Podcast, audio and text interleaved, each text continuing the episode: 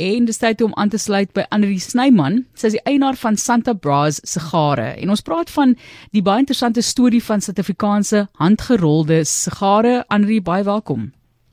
Baie baie dankie. So is geniet jy self sigare?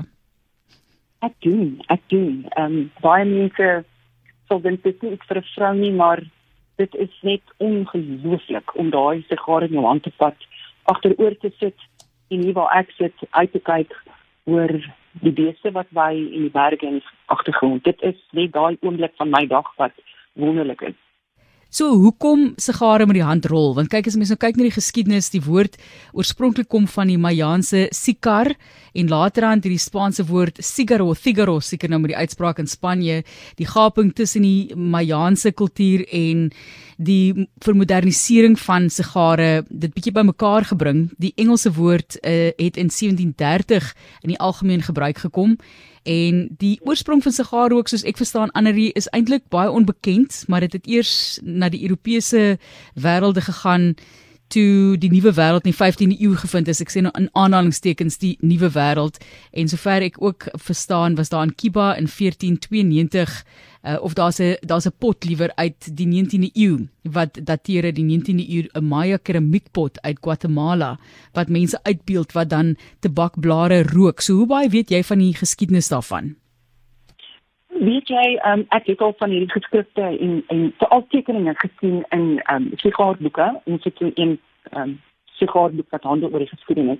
Maar hoe dit ook in Europa gekom het was die reisigers um, in die uh, navigeerders wat gegaan het van Portugal af. Hulle het aangekom in Suid-Amerika en hulle het gesien dat die die Incas um, hierdie sigare rol en rook en hulle daarvan dit hulle dit oorgeneem Spanje toe. En die man het een dag gesit en rook in sy huis en sy vrou het in die in die huisie ingekom en gesien maar daar borrel rook by haar man uit tot by sy mond en sy neus. Sy het in die strate afgehardloop en geskree en geskree en, en gesê hy is van die duiwel besete en hulle het hom actually in die tong gegooi. Daaroor. Sure. So ek weet dit is hoe sigare um, deur gevreet na Europa. So dit is oorspronklik van die kom is afkomstig van Amazone. As ons kyk na soos ek nou gesê die die idee van 'n handgerolde sigaar. Hoekom is dit belangrik om dit self te doen? Ek meen daar is daar ook baie goeie produkte sekerlik indien jy belangstel in die tipe van ding wat 'n mens kan koop. So, hoekom met die handrol?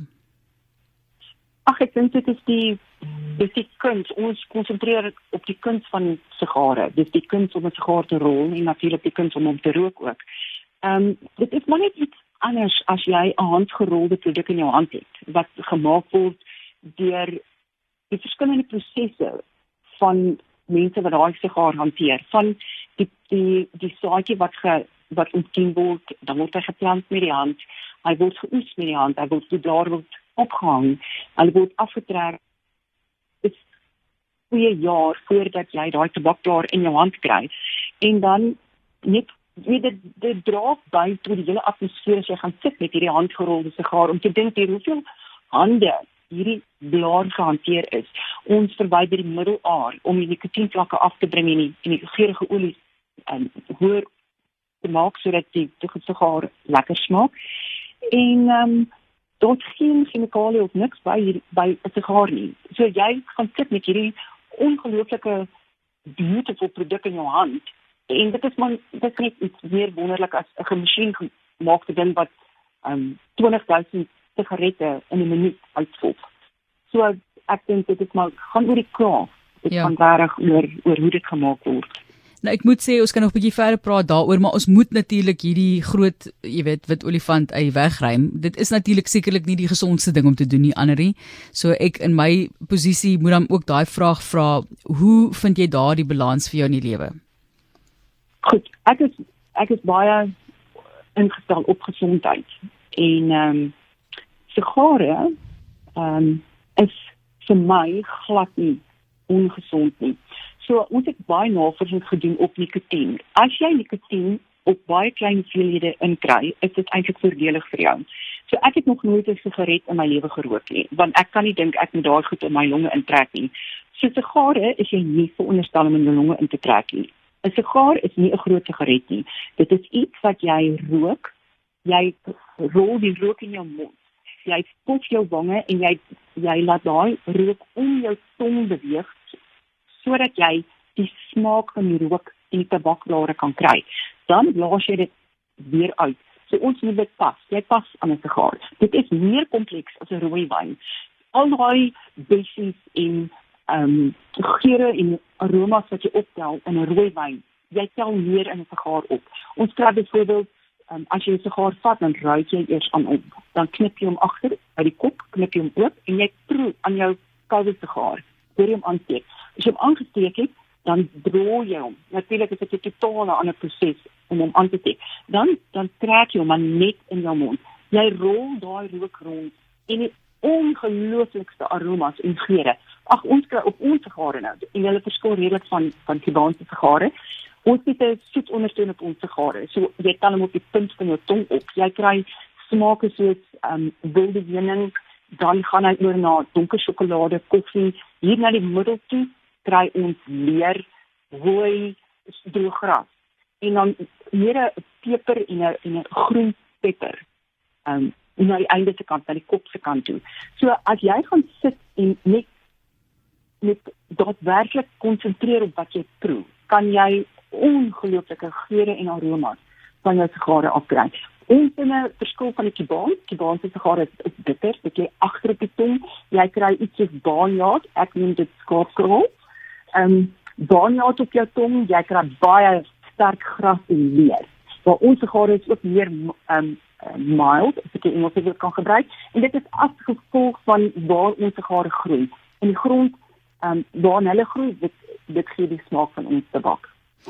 Ons gesels oor handgerolde tabaksigare of liewer handgerolde sigare in Suid-Afrika met Anri Snyman, sy is die eienaar van Santa Bra sigare en ons gaan bietjie nou praat ook oor die name Anri, maar net waar kom die tabak wat jy gebruik vandaan? Wie kweek dit? Ons het saad wat ons laat ontkiem by 'n uh, 'n uh, kwekery en dan gee ons die saailinge vir boere in Oudtshoorn. Dit spesifiek ehm um, mense wat vir ons dan die tabak kweek Hulle kyk daarna, hulle gee hulle water amper lang, hulle haal hulle van die ehm um, landerye af, lugdroog dit, fermenteer dit vir ons en ons koop dit terug van hulle af. Dan kry ons die tabak en ons begin dit verwerk. Dan hidreer ons dit weer met water. Daar kom geen chemikalieë naby daai ehm um, blare nie. So dit is absoluut ons het bolletjies tabak wat ons oprol, dan rol ons dit in een winder toe en dan rol ons dit in 'n buiteblaar toe. So uh, ons tabak kom in die vallei, dis die Maikie Rivier vallei. Tussen Swartberge en Outeniko berge. Daar lê ons tabaklanderye. En dan die name, Santa Bras, waar kom dit vandaan en die verskillende sigare het seker hulle eie name ook. Hoe besluit julle daarop? Ons wil dit so plaaslik as moontlik in Suid-Afrikaans as moontlik hou. So ons besluit is dit weer eens navorsing gedoen en gaan kyk wat is baie plaaslik. En ons kom toe af en die geskrifte wat ons geheel eerste um, lees gee die naam Santa Bra en dit is die naam van die baai van Mosselbaai waar ons bly. Die baai van Mosselbaai is genoem Santa Bra. Deur Vasco da Gama toe hy hier aangeland het 25 November in 1497 en dis toevallig my man Jaco se verjaarsdag is ook die 25 November.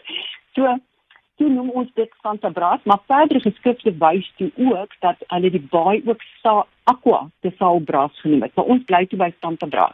Nou Vasco da Gama kom van Portugal en in daai tyd was daar een navigeerderskool in die wêreld en dit was in Portugal in Lissabon. En hy het vier skepe, hy het drie skepe en 'n uh, proviantskip gehad en hulle het vier navigeerders gehad uit hierdie um, skool, uit hierdie navigasieskool uit. En ons gare is die uh, ons noem hulle die Navigator series en hulle is die name, ag nee, nie die name die vanne van die vier navigeerders wat op daai vier skepe was van Vasco da Gama toe hy die um, die spesery roete gesoek het. So die grootste sigaar is jy dit omtrent 20 cm lank, dit is die Dalenko. Dan is enetjie kleiner, is 15 cm, hy's bietjie dikker gesigaar waar mense skrik kom. Dit is die Coimbra. Dan het ons die ehm um, Escobar. Dit ons heel gewildste sigaar en ek sê altyd vir almal dit is nie Pablo Escobar die uh, die drug lord nie. Dit is Pablo Escobar in Navajewe gewees en wat ons kon dalk so dit is vier sigare in die navigator series. Maar dan is ook die boere sigare ehm um, die boere se gare Delaray, generaal Delaray se gesig op en sy vrou, sy vrou was Jacoba, maar ehm um, haar bynaam in die volksmond was Nonnie. Nou 'n klomp vrouens het vir my gevra, "Hoekom maak ek nie sigare vir vrouens nie?" Toe besluit ek, "Goed, dan maak ek gegeurde sigare want vrouens oor die algemeen hou van soeterige goedjies." En ek begin toe met nonnies en ek ehm um, geur hulle met met 'n kersie geur en ehm um, mint. So die tussen daai twee die mint natuurlik ag nee, die kersie is die gewildste. So daar tot die boere sigare. En dan het ons 'n paar kliënte gehad wat gesê het dis nou man en hulle egos. Hulle wil as hulle by 'n vertrek instap, wil hulle hê hulle se gaar moet eers inkom en dan hulle. So dit moet 'n verskriklike groot gaar wees. Nee. Met die gaar neem ons van Hunks. Nou van Hunks, die storie en die legende ken die meeste mense, is die seerower wat teen Tafelberg gesit en rook het. Hy het pyp gerook en hy het saam met die duiwel gerook en dit is waar die die kleetjie van Tafelberg vandaan kom, die wolk bedekking. En ons het gedink hierdie gaar is so groot en hy rook so hy gee so baie rook en ons het hom van links genoem. So dit is ons ons reeks sigare.